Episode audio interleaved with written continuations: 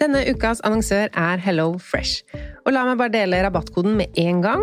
Gå inn på hellofresh.no og bruk fresh penge. Da får du opptil 1779 kroner rabatt. Og i dag tenkte jeg å snakke om matplanlegging ut ifra et hva vil jeg egentlig putte i kroppen min-perspektiv. Altså ikke hva som er godt, men hvor mange ganger i uka vil jeg spise fisk, f.eks. Og med Hello Fresh-appen så er dette så fint. Du velger bare ut fra en liste hvilke fem eller fire eller tre middager du vil spise uka etter. Og så kommer matkassa til deg på døra. Og du trenger ikke å tenke noe mer på hva du skal spise. Denne uka så blir det for meg to fiskeretter, to vegetarretter og en kyllingmiddag til guttene. Gå inn på hellofresh.no og se selv hva du kan velge mellom.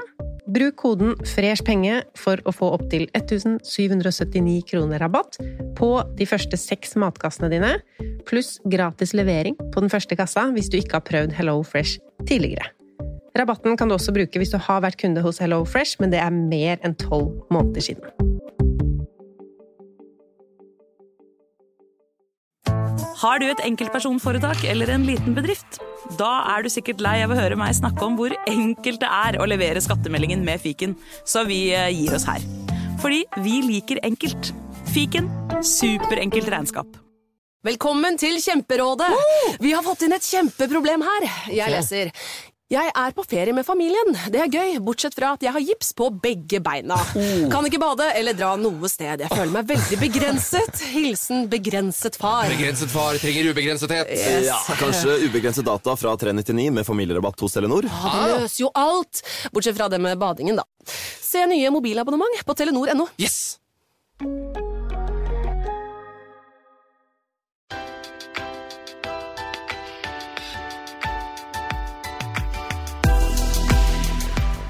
Velkommen til Pengesnakk podkast, og velkommen 2023.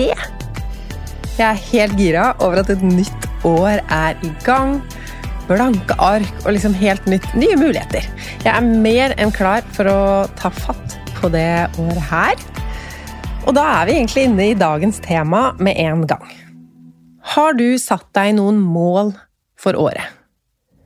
Økonomiske mål for 2023? Hva skal du oppnå? Og hvordan sette en mål sånn at du når dem? De siste ukene har jeg hørt eh, flere podkaster og sett mange YouTube-videoer om målsetting og hvordan nå mål, og det er jo en del av de samme tipsene som går igjen. Eh, samtidig så er det mange måter å sette opp mål, og ulike guruer gjør dette veldig ulikt, men så er det liksom noen ting som mange er enige om, da. Og det jeg i hvert fall stiller meg helt bak, er jo dette her med at det holder ikke bare å skrive ned en rekke nye mål, eller nyttårsforsetter. Du må, bør i hvert fall, også lage en skikkelig plan for hvordan du skal nå disse målene. Ikke skriv et mål på et ark, og så ser du på det neste nyttårsaften om du nådde det. I tillegg så bør du lage et system for hvordan du skal følge med og opp målene underveis. Aller helst helt ned på daglig. At det er en vane, et eller annet du bare gjør hver dag, som fører med seg at målet blir nådd. Det har i hvert fall jeg tro på, så det skal jeg gjøre i år med mine mål. En annen viktig ting, det er jo å sette mål som det er mulig å si om du har nådd dem eller ikke. Gjerne også underveis i året. Kan du si, Hvis du har et sparebeløp, da, som er målet ditt, så er det jo lett, fordi det er tallfesta, å si ja, nå er jeg halvveis, og jeg bør jo være halvveis i sommerferien. Er det en sum du skal spare, så er det regnestykker som viser hvor langt du har kommet, eh, så jo mer du kan tallfeste, jo bedre. Noen kategoriserer mål altså Noen sier jo du kan ha ett mål. Du kan aldri ha mer enn ett mål. Det er ett mål du må ha. Og selv syns jeg det er litt vanskelig, fordi man har jo flere ting man ønsker å oppnå. Men eh, det er jo fint å ikke fokusere på altfor mye på en gang. Noen opererer med ett mål innenfor hver kategori. på en måte, At du kan ha mål innenfor helse, relasjoner, karriere, penger. Um, noen mener at ja, ta tre mål, men så kan du ha undermål under de store målene. Så det er mange måter å sette gode mål på. Det er ikke noe fasit her heller. Andre er veldig detaljerte, holder styr på mange mål. Hvis du hørte episoden med Jannicke før jul, hun hadde mange ulike mål for 2022, og hun nådde dem alle. En bok jeg har skrevet opp på leselisten min for 2023, heter The 12 Week Year. Jeg vet ikke om den har blitt oversatt til norsk, men altså eh, handler om dette med målsetting og planer for å nå mål. Det skal ikke gå over tolv måneder, men over tolv uker for maksimum produktivitet. Og det kan jo kanskje være et tips om du ikke har satt mål før, og først ta for seg en litt kortere periode. Jeg tenkte jeg skulle fokusere mest på pengemål i dag, da dette tross alt er en pengepodkast. Og jeg hadde alltid sparemål før. Jeg hadde tallfesta hvor mye jeg ville spare i løpet av året, og jeg syntes det var så motiverende, og jeg kunne regne ut. Men etter jeg begynte å ha pengesnakk som fulltidsjobb, så er det mye vanskeligere. Fordi jeg har ikke en lønn hvor jeg kan si sånn ja, men da sparer jeg det av lønna, og så kan jeg gjøre sånn og sånn, og når jeg får feriepenger, så setter jeg litt ekstra. Jeg vet ikke hva jeg kommer til å tjene. Så hvordan skal jeg da kunne sette mål for sparing? Men jeg har lyst til å gjøre det likevel, så nå har jeg begynt litt i begge ender. Eh, og det tenker jeg du òg kan gjøre, i hvert fall den første her med Hva er det aller største målet? Begynn med den personen du er, og det livet du lever om 10 år eller 20 år. Lag et målbilde, og så dra det ned igjen på ja, hva må jeg gjøre hvert år for å bli den personen, da, eller å ha den saldoen på konto, eller hva det nå er. Hva må jeg gjøre hvert år, og så hver måned, og så hver dag. Nå i 2023. Og så har jeg begynt i andre enden og sett hva ligger forbruket mitt på? Hvor mye kommer jeg til å måtte bruke i 2023 av penger? Og så kan jeg jo spare resten. Jeg får ikke gjort så veldig mye mer enn det. Mitt største mål noensinne, sånn pengemessig, det satte jeg da jeg starta å blogge i 2015. Da sa jeg at om ti år skal jeg kunne velge selv om jeg vil jobbe eller ikke. Jeg skal ha nok penger investert til at avkastningen er nok lønn til meg. Og så kjøpte vi hytte, og da regna jeg ut at ok, det tar to år ekstra å nå det målet. Så da ble sluttdato for spareprosjektet den dagen jeg fyller 40 år. Og etter det har vi jo kjøpt dyrt hus og pusser opp, så jeg kunne jo valgt å utsette det målet enda mer. Samtidig som jeg nå også vet at jeg trenger mer penger hvert år nå enn da jeg eh, bodde uten familie i en nedbetalt leilighet i Oslo. Men for min egen del følger jeg bare samme mål foreløpig, å ha 3 750 000 kroner investert når jeg fyller 40. Selv om det ikke er nok til at jeg kan pensjonere meg helt enda, så høyner jeg ikke det målet nå. For det er faktisk bare fire år til. Åtte år eh, har gått fort. Nå er jo ikke heller det målet mitt høyeste mål i livet. Jeg har allerede mye av den friheten jeg ønsker meg. Og så elsker jeg jobben min. Men jeg tenker, la meg gjøre 2015-Lise um, stolt, og faktisk nå det store målet jeg satte meg da. Så om ditt stormål er eh, kjøpe bolig, kjøpe hytte, betale ned gjeld, investere en million, eller hva er det nå du vil ha gjort økonomisk på litt lengre sikt enn i år? Og så kan vi regne oss tilbake til hva må vi da få til i 2023 totalt, og så hver måned i 2023.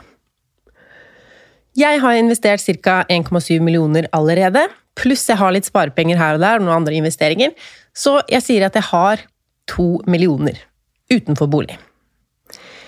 Og bolig var ikke en del av sparemålet heller, det skal være investerte penger, eller penger som kan investeres, så da mangler jeg bare Nei, ikke bare. Da mangler jeg 1 750 000 kroner. Og at det skal spares på fire år det blir nesten 450 000 i året. Passe hårete. Jeg har jo faktisk spart sånne summer før, men som vi skal snakke om snart, så begynner livet å bli dyrt. For hvis jeg starter i andre enden, da Jeg kommer ikke til å si at målet mitt er å investere 450 000 kroner i aksjefond i år, uten først å sjekke om det er et mål som er realistisk. For det er jo også med mål. Noen sier at eh, du må sette et urealistisk mål Fordi hvis du shoot for the moon, you're gonna land among the stars. Et eller annet sånt.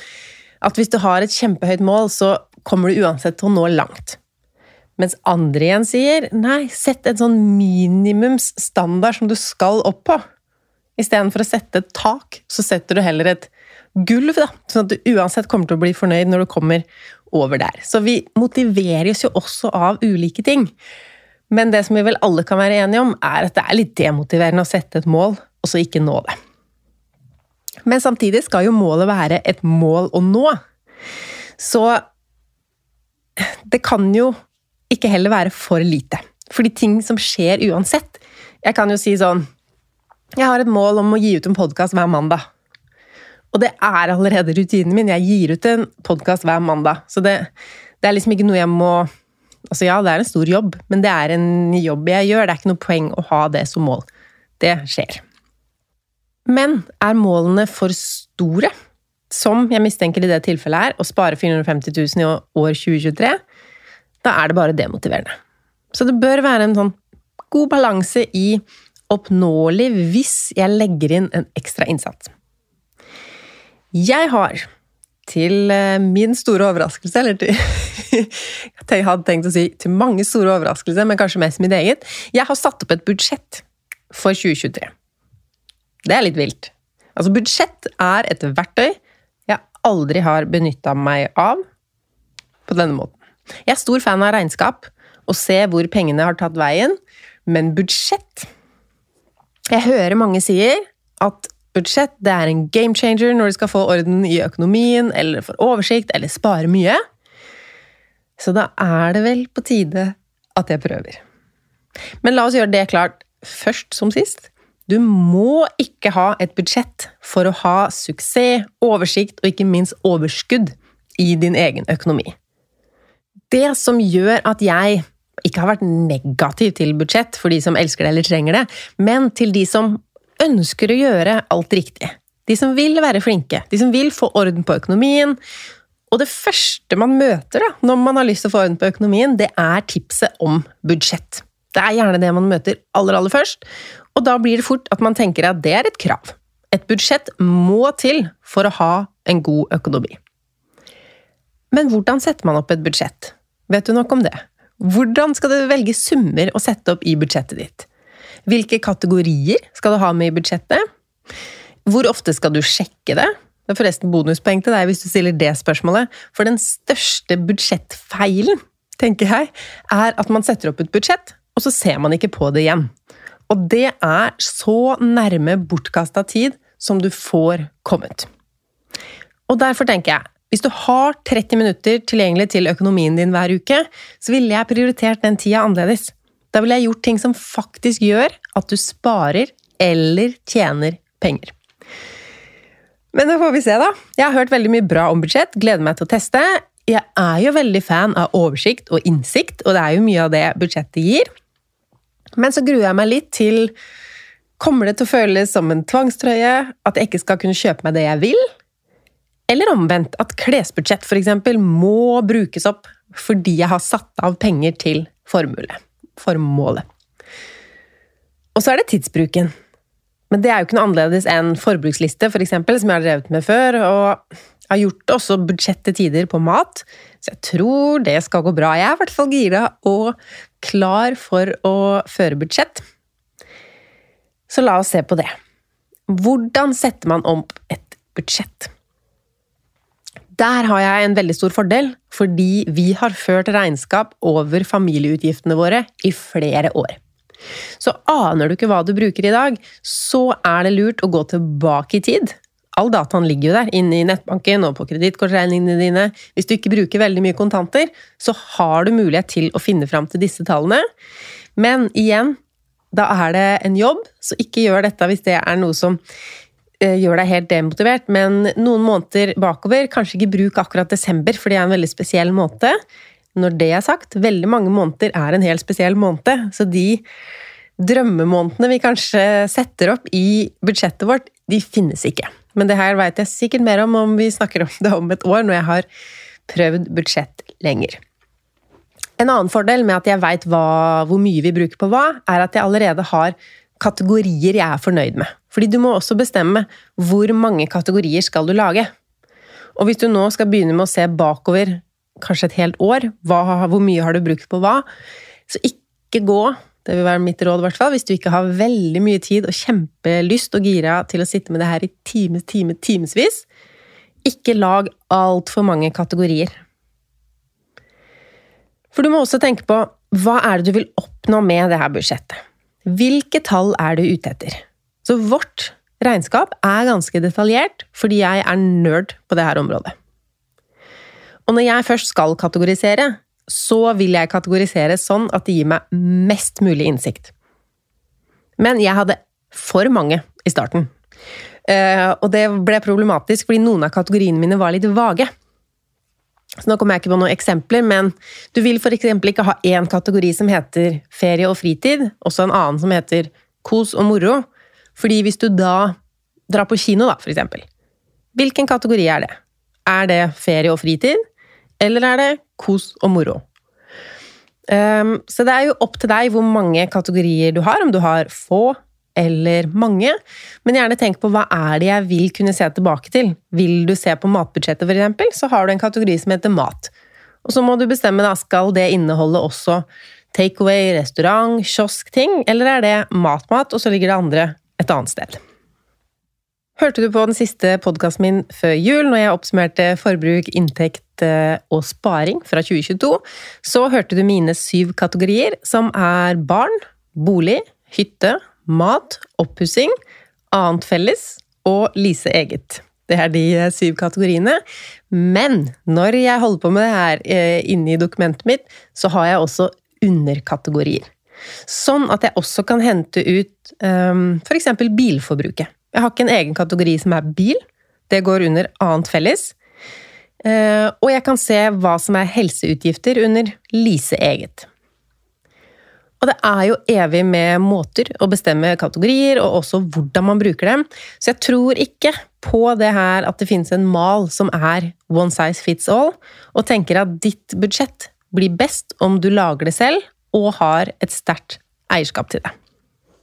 For eksempel nå som jeg nevnte helse og bil.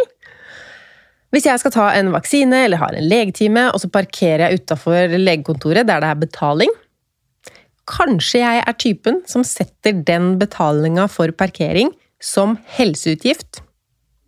Fordi jeg hadde aldri dratt og parkert utafor legesenteret hvis det ikke var helserelatert, og jeg derfor tar det som helseutgift fordi jeg vil se hvor mye det koster meg å ha en helse. Eller hvor mye det koster å ha helseutfordringer. ja.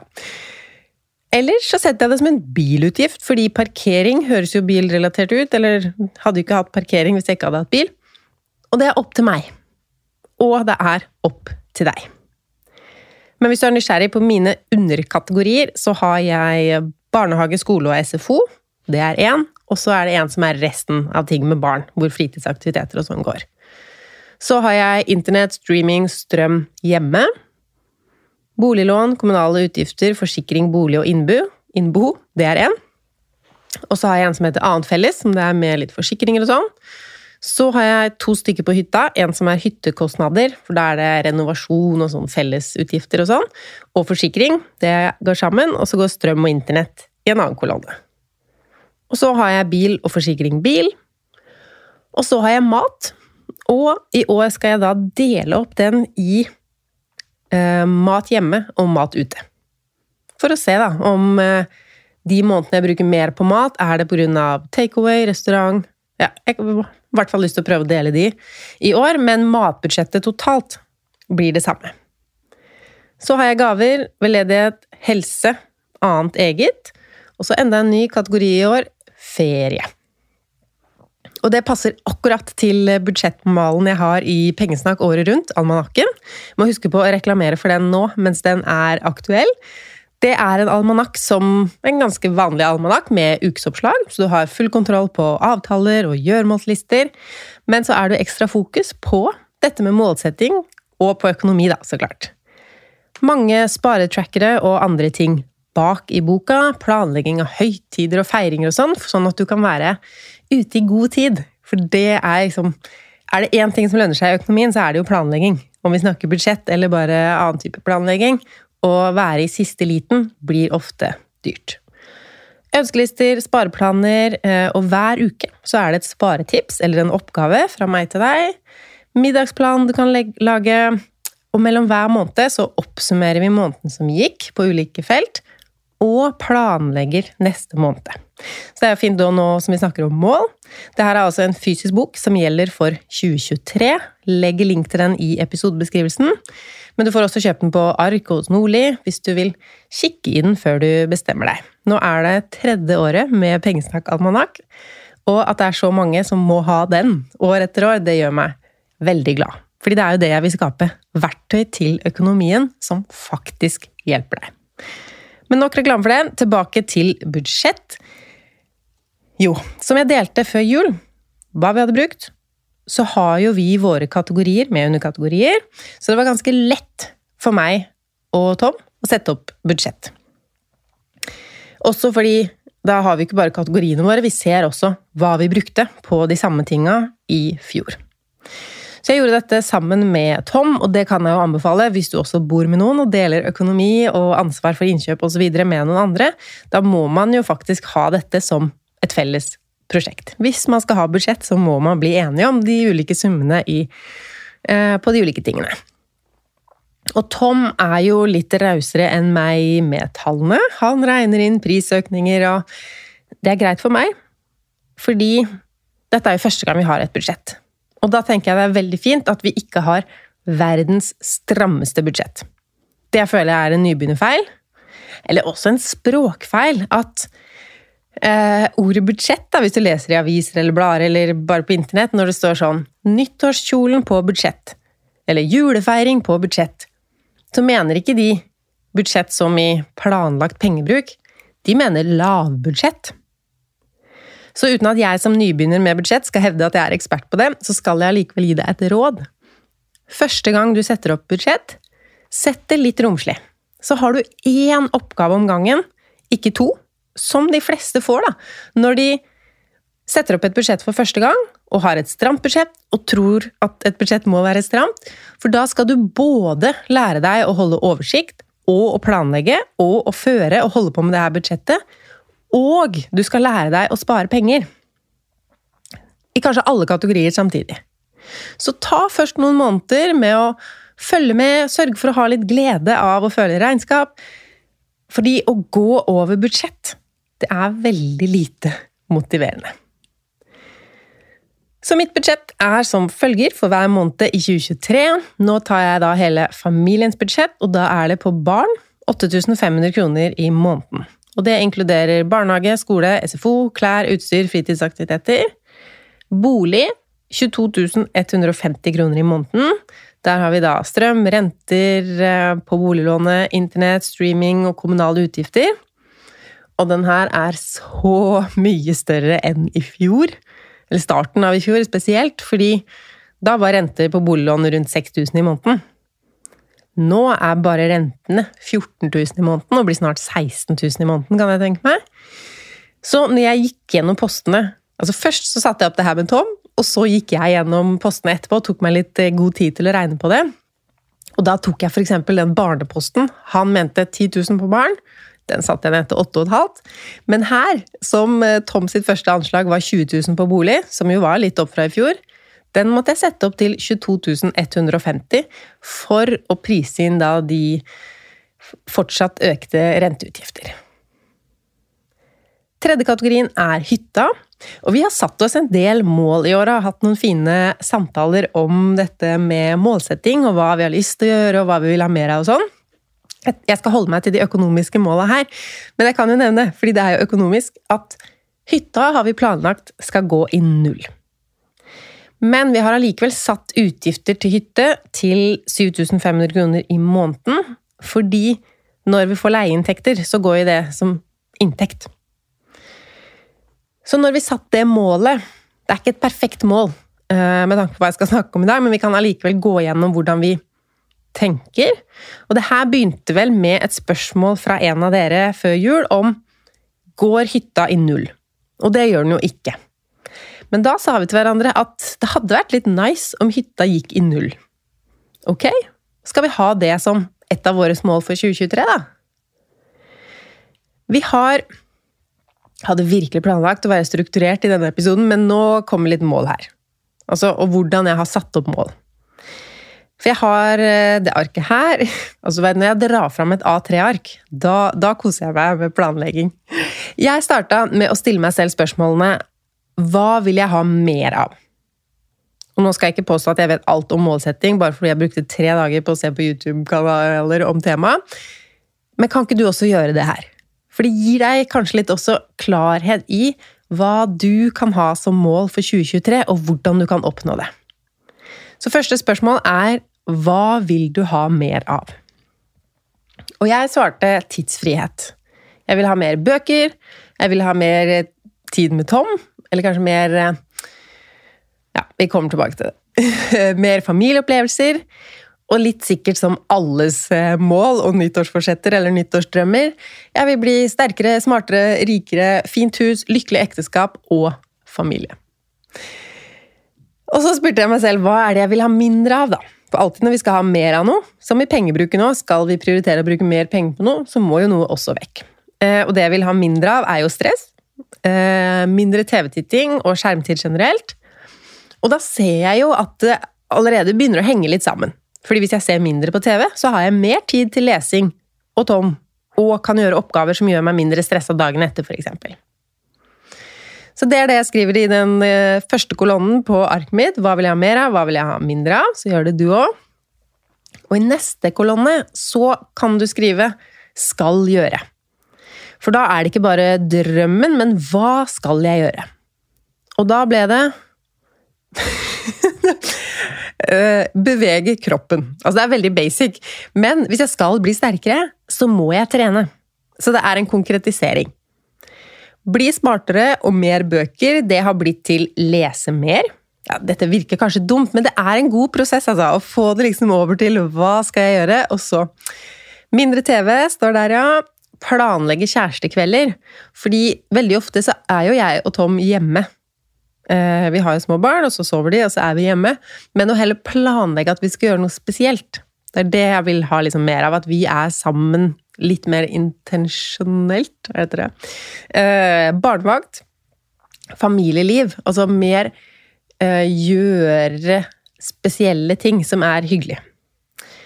Vaskerutine det har jeg jo begynt med i år, og det går ganske av seg selv. så jeg trenger kanskje ikke å ha det opp, men det har så veldig mye å si for min eh, velvære å trives hjemme, at det er ryddig, at det er rent. Da, da trives jeg bare tolv ganger bedre. Så den eh, står der. Fortsett med vaskerutine. Pusse opp doen på hytta. Det er faktisk mitt prosjekt. Eh, all oppussinga her hjemme er Tom sine prosjekter. Helt ærlig. Jeg er jo med på ting og tar avgjørelser og er enig og ikke enig osv. Men akkurat det her um, doen på hytta, den er veldig liten. Uh, så det er mer sånn skala for den type prosjekter som jeg liker. Så det har jeg veldig lyst å få til i år. Tjene mer enn i 2022 har jeg satt opp, og hvorfor det? Jeg må jo innrømme at det å tjene penger eller må innrømme, det er det kanskje for alle. Å tjene penger er for meg en følelse av suksess som jeg liker. En måte å gjøre noe målbart, selv om det i min jobb ikke er helt sånn korrelert hvor mye eller bra jeg jobber, det, eh, og hvor mye jeg tjener, det henger ikke helt sammen.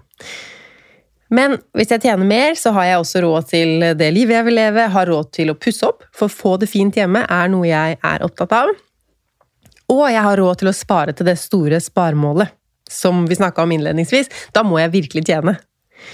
Og så, hvis jeg har et sånt inntjeningsmål, så motiverer jeg meg til å fortsatt lage godt innhold til deg som følger med på Pengesnakk. For det er jo noen ganger jeg føler at nå har jeg sagt alt.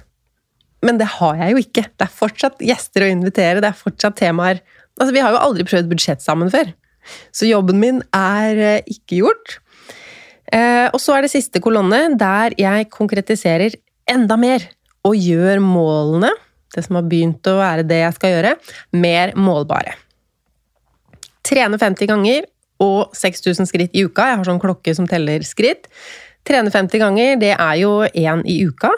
Men istedenfor å si én i uka, og så hvis det ikke blir noe trening neste uke, så har jeg feila, så gjør jeg det heller sånn, for da kan jeg ta igjen etter hvert, uten at det bør være Så målet er å trene én gang i uka, men ja, du skjønner, jeg har litt rom til å ta igjen hvis det sklir ut. Så er det lese 50 bøker, skråstrek lese hver dag. Jeg lar begge de stå, både lese 50 bøker og lese hver dag. Hvis det siste skjer, så skjer det første. Så det med å lese hver dag er mer planen for hvordan nå lesemålet. Og det er jo ikke lenge siden jeg sa at jeg ikke ville ha noe lesemål fordi jeg vil kose meg med lesing. Men ofte så er det sånn når jeg leser, så tenker jeg at jeg burde heller ha gjort noe mer produktivt. Men når det her er et mål, så kan jeg kose meg med det med Eh, god samvittighet. Jeg er jo veldig glad i bøker og den innsikten man kan få av ting. Når jeg var liten, så var jo bibliotekar en av de tingene jeg drømte om å bli. Og jeg er jo til og med forfatter. Hallo, jeg elsker bøker. Nå, eh, og jeg leser veldig fort. Så det høres kanskje mye ut med én bok i uka, men det er jo noen tjukke og noen tynne og noen lydbok, og det tror jeg skal gå greit. Bare jeg leser litt hver dag. Og da får jeg jo også prioritert bort kanskje en del sånn scrolling, og heller prioritert lesing. Så har jeg maks to timer TV i uka. Og der følger jo det ene av det andre. Da kan jeg trene en kveld istedenfor å se på TV, eller da kan jeg lese. Ja. Vaskerutinen står der, og så har jeg mange punkter under jobb. Um, blant annet å bli ferdig med å filme ryddeprosjektene til minimalismekurset. Da jeg lanserte kurset i september-oktober, så tenkte jeg jo at noen av ryddeoppgavene ville jeg filme for å vise litt hvordan jeg tenker og hvordan jeg jobber. Men fordi jeg selv blir motivert av å jobbe sammen med noen og føle at vi har dette prosjektet sammen, så filmer jeg nå absolutt alle uh, ryddeprosjektene. Og det er mange.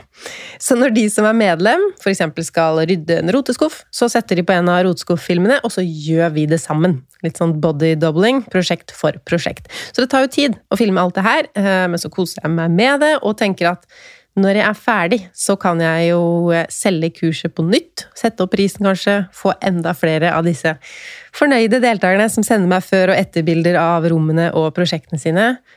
Elsker at flere får øynene opp for at det å ha mindre er mer på så mange måter. Eller det er bedre.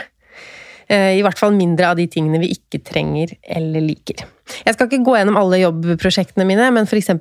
YouTube. Jeg elsker YouTube. Men jeg kan ikke prioritere det så mye som jeg ønsker. Fordi akkurat nå, i hvert fall, så er det ikke så mye å tjene der for meg.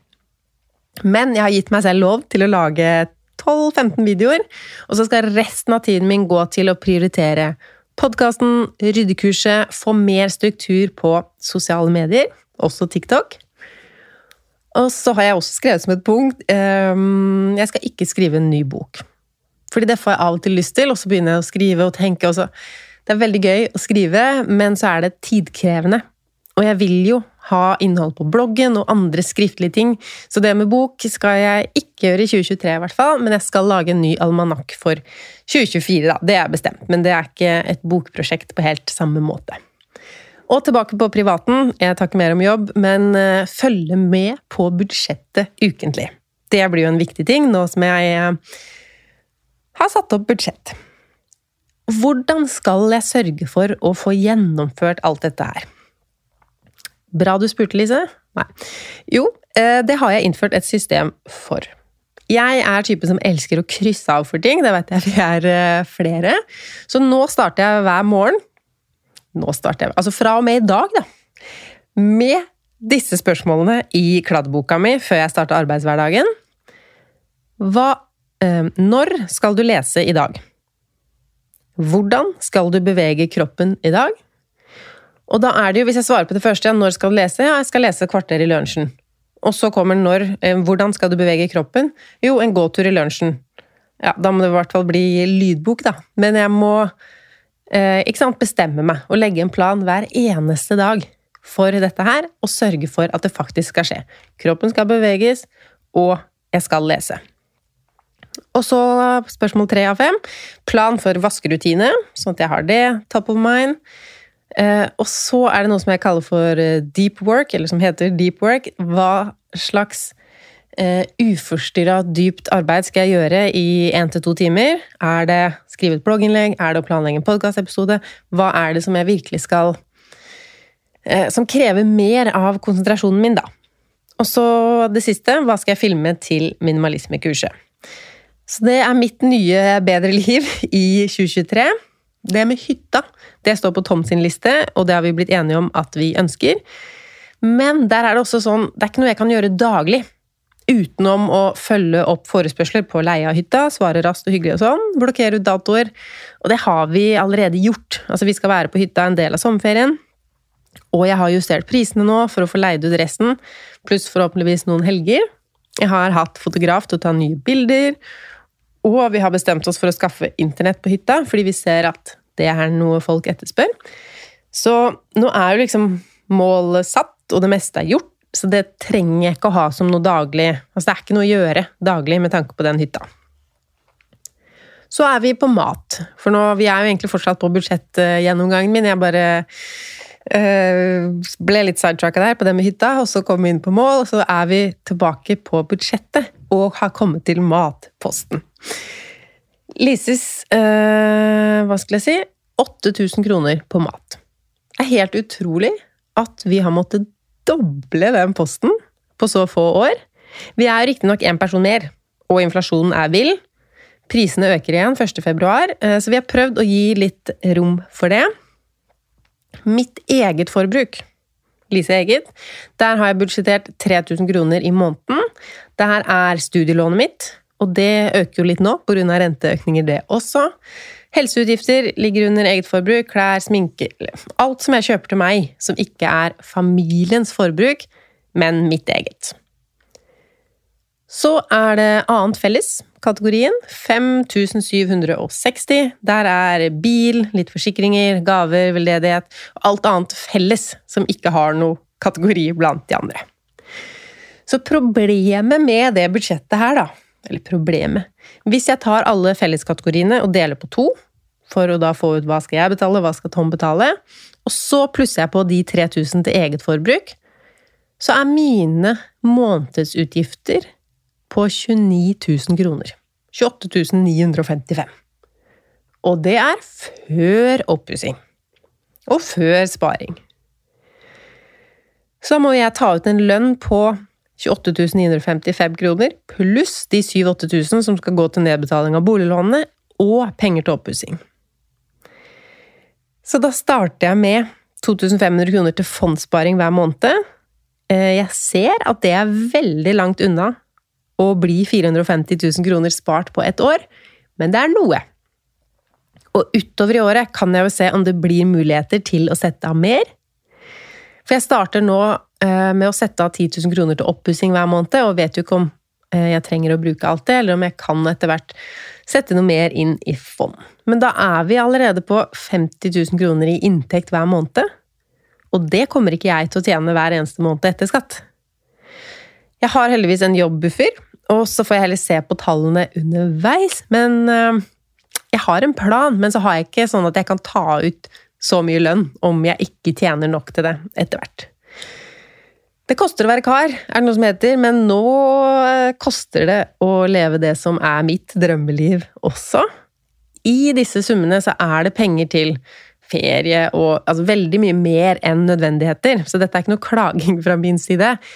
Eh, men en sånn klargjøring, eller hva heter det? Ja, da har jeg et budsjett og en plan for å nå små og store mål i 2023.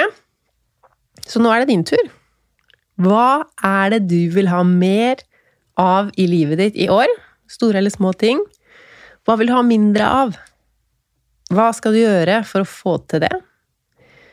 Og hvordan skal du måle disse målene underveis? Har du et kjempestort mål som du kan dele, og må gjøre da noe av den jobben i år? Skal du også ha budsjett i år? Det er et år der vi mer enn noen gang, de fleste av oss, kanskje alle, har godt av en ekstra plan og å se på hva ting faktisk koster. Og så har du hatt boliglån, og det har gått så greit at du ikke har måttet tenke på det. Så er det kanskje ikke sånn lenger nå. Og jo høyere lån, jo høyere renteutgifter. På matposten føler jeg vi har en raus sum nå, men der fortsetter jeg eller hva skal jeg si, tar opp igjen suksessen jeg syns jeg hadde med ukesbudsjett på mat. Fordi en måned er lenge når det gjelder en sånn post. Med unntak av februar så er månedene mer enn fire uker. Så jeg har ikke 2000 kroner i ukesbudsjett på mat, selv om jeg har eh, 8000 kroner i måneden. Jeg tar da 8000 ganger med 12 for å få årssummen. 96 000. Tenk om skulle bruke 100 000 kroner på mat! Det høres så mye ut. Eh, men så ned på uka, 52 weeks, så blir det 1846. Så Tom ville sikkert sagt 1850. Jeg sier 1800 kroner i ukesbudsjett, og så kan vi heller spare de femtelappene til sommerferien, der jeg veit vi kommer til å spise ute og bruke mer penger på mat. Så hva kan du ta med deg fra denne ukas episode?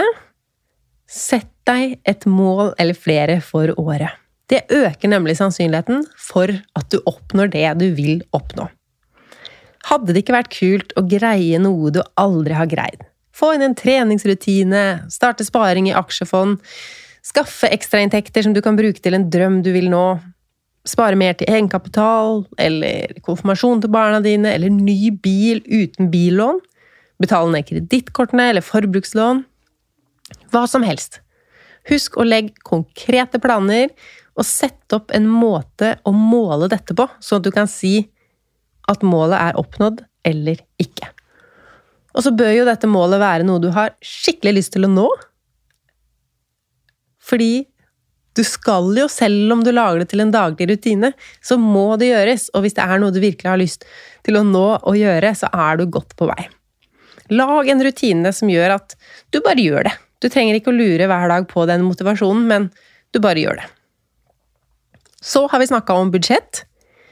Ingen nødvendighet i en god økonomi, men kanskje dette er en bra tid for deg også å teste sammen med meg? Sett opp kategoriene du vil følge med på. Husk at noen ting kan man ta ned på uker for å være enda tettere på, sånn som jeg gjør på mat. Meld deg på nyhetsbrevet mitt. Du finner link til det i episodebeskrivelsen. Da får du vite det først hvis noe spennende skjer, og jeg deler der når det har kommet en ny video og hva ukas podkast handler om. Sparetips, forskjellige ting. Kanskje det er den ukentlige påminnelsen du trenger for å greie å holde et positivt økonomifokus også i år. Vi høres igjen neste mandag med en ny lytterepisode. Lykke til med målsetting, og kanskje også ditt første budsjett.